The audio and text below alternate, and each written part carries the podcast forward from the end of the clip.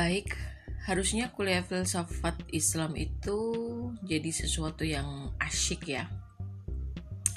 Kita bakalan ngupas tentang filsafat Islam dan di tengah gempuran uh, para pemuda-pemuda masjid dalam rangka uh, apa menyemarakkan Maulud Nabi, aku di sini bakalan memperbincangkan tentang filsafat Islam.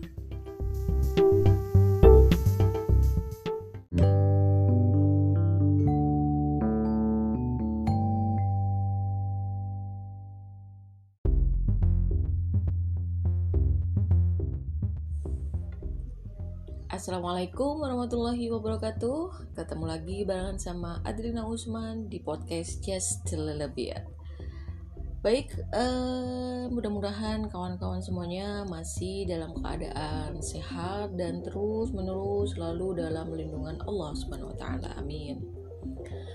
Baik untuk malam hari ini, coba kita memperbincangkan sekelumit uh, topik tentang filsafat Islam.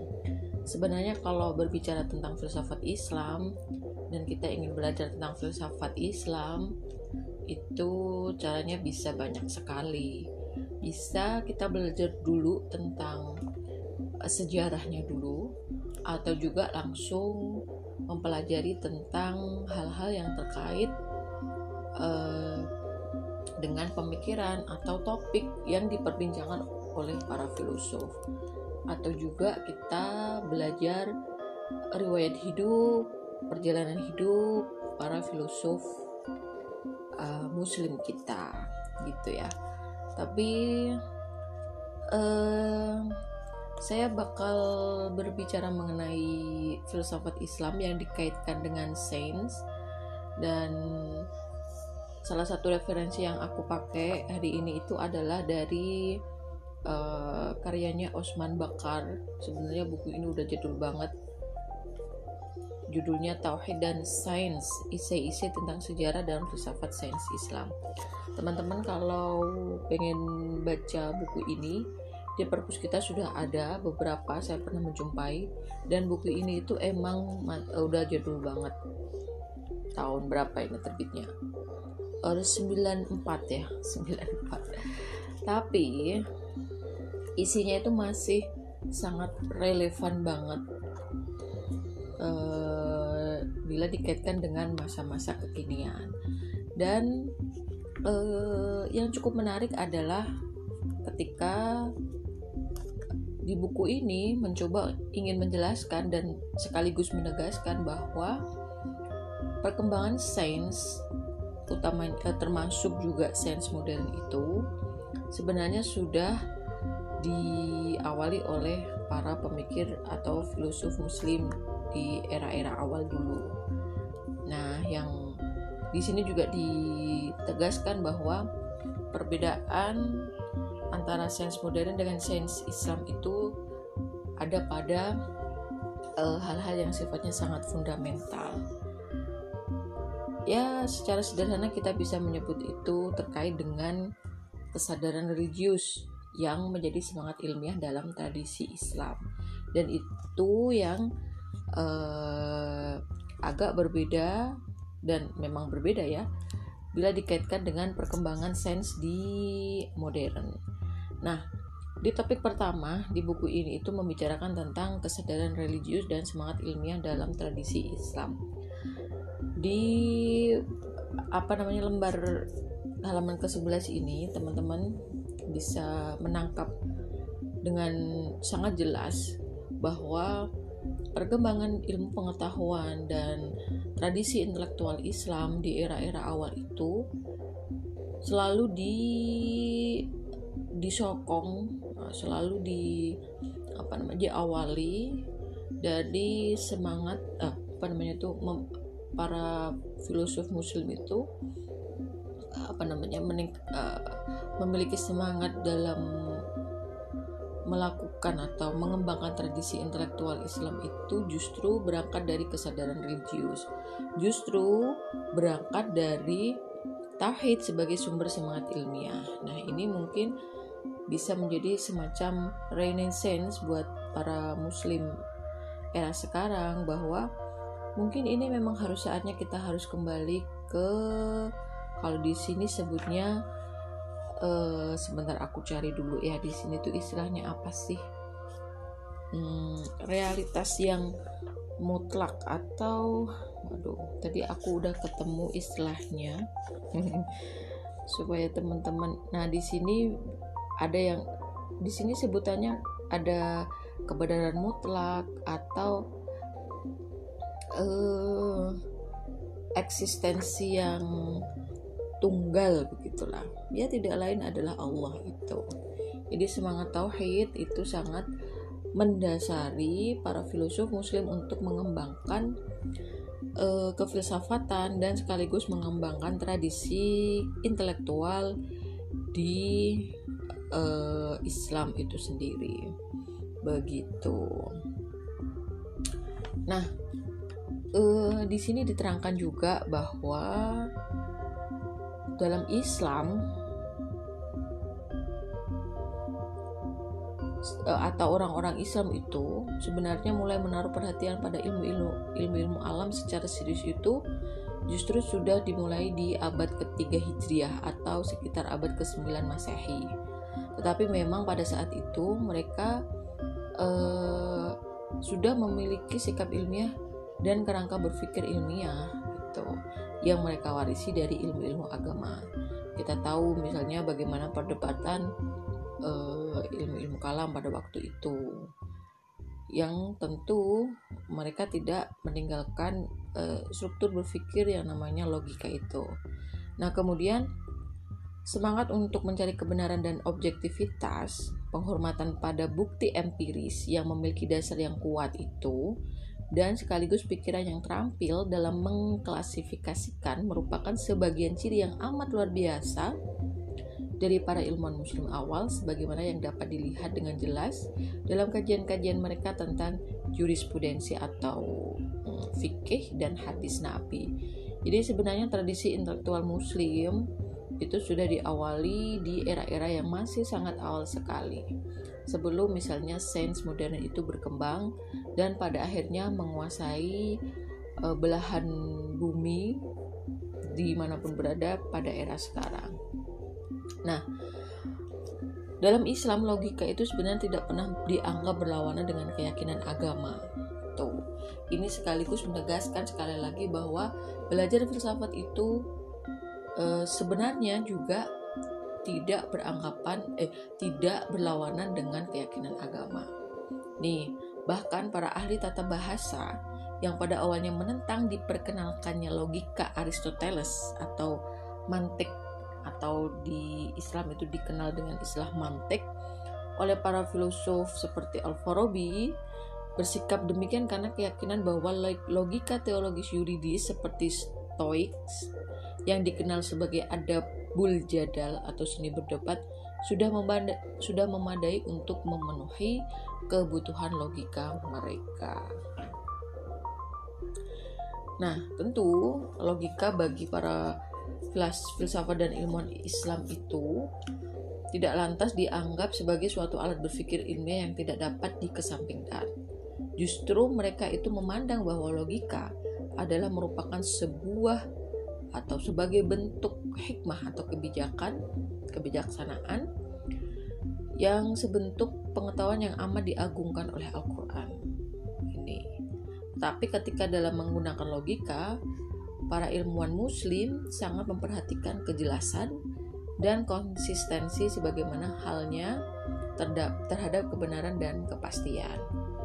Mereka juga menyadari fakta bahwa logika adalah sebuah instrumen bermata dua yang dapat menyajikan kebenaran maupun kekeliruan begitu.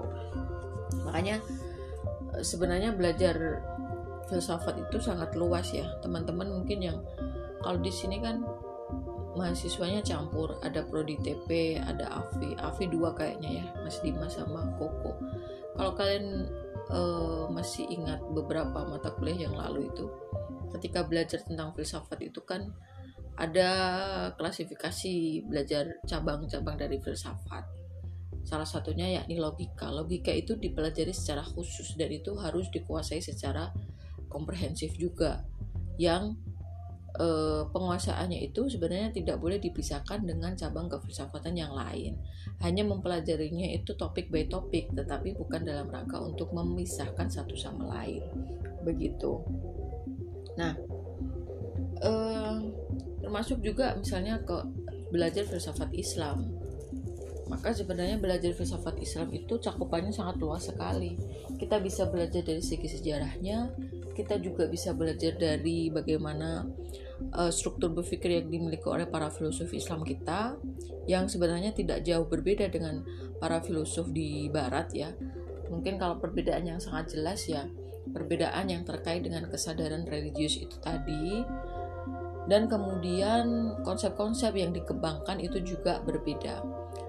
Karena kesadaran religius itu mendasari dari berkembangnya suatu struktur berpikir para filosof muslim, tentu saja pada akhirnya akan mempengaruhi bagaimana para filosof muslim itu menyusun eh, apa namanya formula epistemologi itu termasuk juga ya jelas ontologi, epistemologi, aksiologi itu juga jelas akan uh, mempengaruhi. Misalnya kemudian kita mengenal istilah atau konsep ya dalam filsafat Islam itu ada misalnya uh, apa misalnya ini uh, konsep tentang isyrokiyah atau iluminasi atau juga konsep tentang masyaiyah atau peripatetik atau juga misalnya konsep tentang hikmah muta'aliyah atau teosofi transenden itu dan konsep-konsep lain yang secara khusus dibahas dalam filsafat Islam gitu. Maka sebenarnya belajar filsafat Islam itu sangat menarik ini. Tetapi menjadi tidak menarik ketika kita uh, tidak ini ya, tidak membaca dan tidak memahami begitu apalagi filsafat terkenal dengan ini bangunan nomenklatur yang khas ya yang apa namanya ya mungkin diksi-diksi yang dipilih oleh para filosof atau para eh, orang-orang uh, yang giat dalam melakukan kajian tentang kefilsafatan itu juga memiliki uh, apa ya uh, memiliki uh, definisi sendiri, definisi, definisi operasional sendiri yang yang tentu perlu dijelaskan lagi itu. Yang pasti memang filsafat Islam bukan kajian yang mudah untuk ditangkap banyak orang lah begitu. Tetapi bukan berarti tidak bisa disentuh sama sekali begitu. Nah, baik kita kembang eh kita uh, balik lagi ke pembahasan tentang logika logika yang dikembangkan oleh para filosof dan ilmuwan muslim itu jadi didasarkan pada adanya kesadaran religius atas sesuatu yang transenden. Nah, ini salah satu yang saya maksud tadi, diksi yang dipilih itu sesuatu yang transenden. Padahal sebenarnya mudah aja kita bilang kesadaran religius tentang Tuhan begitu ya, tentang Allah. Tetapi diksi yang digunakan tidak bukan Allah. Karena tentu yang ingin dijelaskan dari kata Allah itu bukan bukan zatnya tetapi sesuatu yang transenden. Sesuatu yang eh, apa namanya melebihi dari hal-hal yang empiris yang metafisik begitulah. Jadi yang ingin dijelaskan dari kata transenden itu adalah pada eksistensinya itu. Nah Kemudian, dalam pandangan mereka, logika itu jika digunakan secara tepat oleh sebuah intelek yang tidak diselewengkan oleh nafsu-nafsu rendah, sebenarnya logika itu bisa membawa seseorang kepada yang transenden itu sendiri. Jadi kebenaran yang sebenar-benarnya begitu. Sebuah fungsi nyata logika dalam hubungannya dengan kebenaran agama adalah untuk membantu menjelaskan rasionalitas dan menjelaskan seluruh konsistensi pada hal-hal yang secara lahiriah tampak tidak logis dan kontradiktif.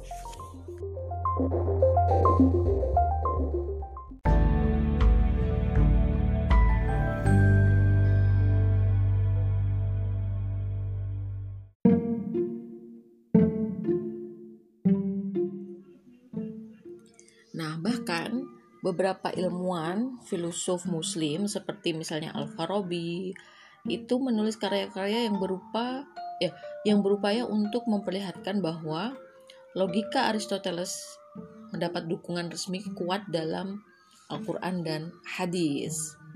Jadi ketika seorang ulama yang termasyhur semacam Al-Ghazali menulis sebuah karya dengan tujuan yang sama dan dengan penuh keyakinan menganut logika Aristoteles secara bulat-bulat, lenyaplah sudah jejak-jejak penting terakhir bagi perlawanan terhadap logika dari pihak agama. Artinya, mantek atau logika di lingkungan Islam itu menjadi alat yang penting bukan hanya bagi ilmu-ilmu filsafat tetapi juga bagi membangun dan mengembangkan ilmu-ilmu agama. Jadi sebenarnya kalau dalam uh, tradisi atau misalnya dalam tradisi intelektual Islam ya atau misalnya dalam metodologi ilmu Islam itu kan juga dikenal dengan istilah al-burhan itu kan. Nah, ya istilah yang digunakan dalam logika muslim untuk menunjukkan metode ilmiah demonstrasi atau bukti demonstratif sebenarnya berasal dari salah satu nama Al-Qur'an. Nah, menurut Al-Ghazali, istilah Al-Quran Al-Mizan yang biasanya diterjemahkan sebagai timbangan itu juga merujuk antara lain pada logika. Jadi logika itu eh, dijadikan semacam apa ya dianggap sebagai sebuah timbangan yang dengannya manusia itu kemudian bisa menimbang ide-ide dan pendapat-pendapat untuk sampai pada pertimbangan atau penilaian yang benar. Satu lagi yang menarik dari perkembangan tradisi intelektual Islam utamanya dalam sains Islam itu adalah pada semangat eksperimentasi dan eh, metode eksperimentasi ini juga sebenarnya sudah dilakukan oleh ilmuwan muslim dari era klasik itu. Jadi para sarjana muslim diilhami oleh kesadaran religius yang kuat akan yang transenden itu tadi, kemudian meneguhkan gagasan superioritas wahyu ilahi atas rasio manusia. Juga mereka menganggap bahwa pemikiran yang logis itu tidak mematikan semangat eksperimentasi di kalangan ilmuwan muslim. Nah, jauh-jauh masa ya sebelum Roger Bacon itu memperkenalkan dan mempopulerkan metode eksperimen ke dunia sains Eropa. Studi-studi empiris tentang alam, yakni misalnya studi-studi yang didasarkan pada observasi dan eksperimentasi, sebenarnya juga sudah tersebar luas di dunia muslim. Gitu. Banyak sejarawan sains. Jadi belibet ya karena udah nggak sabar ingin menyampaikan uh, beberapa apa namanya pemikiran-pemikiran yang sangat luar biasa banget. Jadi aku tadi mau bilang bahwa sebenarnya banyak sejarawan sains Islam kontemporer itu yang kemudian terkagum-kagum pada apa yang mereka sebut sebagai karakteristik semangat modern dalam pendekatan empiris orang Islam pada kajian tentang alam begitu. Nah, teman-teman semuanya pasti kenal yang namanya misalnya Arozi, Ibnu Sina, Al-Biruni, kemudian ada Ibnu Al-Hasham, Al-Zahrawi, Nasiruddin At-Tusi, Kutubuddin Asirozi atau juga Kamaluddin Al-Farsi. Ini juga uh, ilmuwan-ilmuwan muslim yang sudah mempraktekkan apa namanya eksperimentasi dalam sains Islam banyak sebenarnya karya yang telah ditulis oleh mereka di bidang eksperimental, tapi sayangnya di buku yang tadi saya kutip tidak dijelaskan secara gamblang. Nanti teman-teman bisa mungkin membantu kita untuk apa namanya subsidi silang pengetahuan. Jadi teman-teman bisa gantian untuk membagi pengetahuan ke kita, kemudian kita diskusi tentang eh, apa namanya filsafat Islam begitu.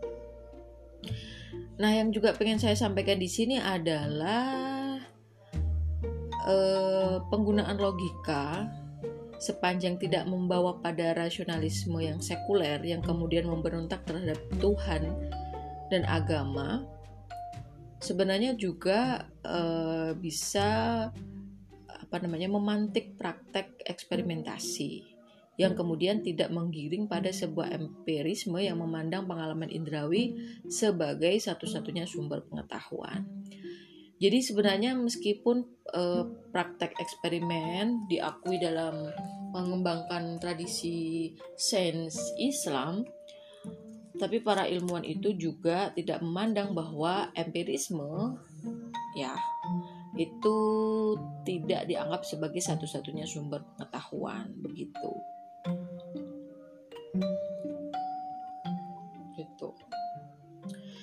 Jadi sebenarnya salah satu yang khas dalam ilmu pengetahuan itu kan objektivitas itu. Sementara objektivitas itu hanya dapat dikait uh, sementara ini ya, ya yang menjadi salah satu ciri sains itu kan objektif dan empiris. Kenapa empiris? Karena empirisme itu merupakan salah satu sumber pengetahuan yang bisa diakses oleh orang kebanyakan, begitu. Nah, ketika orang kebanyakan itu sudah bisa mengakses sesuatu, di situ sebenarnya terdapat nilai objektivitasnya di situ begitu. Tetapi meskipun demikian, para ulama Islam itu juga e, menegaskan bahwa e, apa namanya?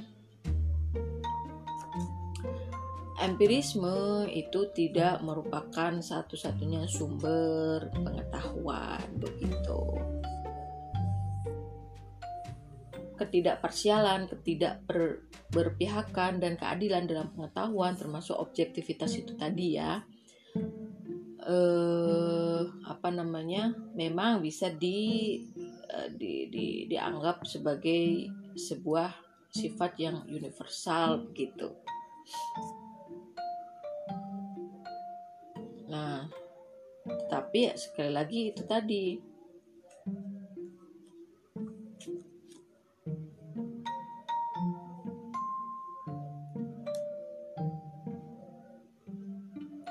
Jadi uh, tradisi intelektual Islam itu tidak menerima gagasan bahwa hanya ilmu alam yang ilmiah atau lebih ilmiah daripada ilmu-ilmu lainnya. Demikian pula gagasan objektivitas yang begitu esensial dalam kegiatan ilmiah tidak dapat dipisahkan dari kesadaran religius dan spiritual. Begitu. Nah, uh, sementara itu dulu pemaparan tentang kesadaran religius dan semangat ilmiah tentu ini masih sekelumit dari uh, pembahasan tentang filsafat Islam yang apa namanya yang lebih komprehensif lagi lebih dalam nanti akan kita teruskan di perbincangan yang lain. Jadi mungkin minggu depan teman-teman bisa menyiapkan beberapa paper dan bisa gantian untuk melakukan subsidi silang pengetahuan. Jadi minggu depan gantian siapa gitu. Habis ini kita diskusikan di grup WhatsApp Messenger bagi teman-teman yang kuliah filsafat Islam barengan sama saya. Ada tiga mahasiswa doang kayaknya. Oke okay, gak apa-apa. Mudah-mudahan ya, teman-teman bisa tetap bisa apa namanya belajar membaca dan menambah pengetahuan tentang bagaimana sebenarnya tradisi, tradisi intelektual Islam, tradisi sains dalam Islam itu sudah dimu, sudah dimulai sejak era klasik sangat awal banget bahkan sebelum uh, para filosof di barat itu mengembangkan berbagai macam produk pengetahuannya kita tidak hanya sekedar mengklaim ya karena itu sudah merupakan bukti yang sangat nyata dan buktinya juga sudah banyak di apa namanya disinggung dibuktikan oleh penemuan bahkan laporan-laporan penelitian dan lain sebagainya. Jadi sebenarnya kita tinggal meneruskan saja sebenarnya semangat uh, intelektual yang sudah diperjuangkan oleh uh, para ilmuwan muslim sebelum kita. Saya kira itu dulu. Terima kasih atas perhatiannya. Mohon maaf kurang-kurangnya dan wassalamualaikum warahmatullahi wabarakatuh.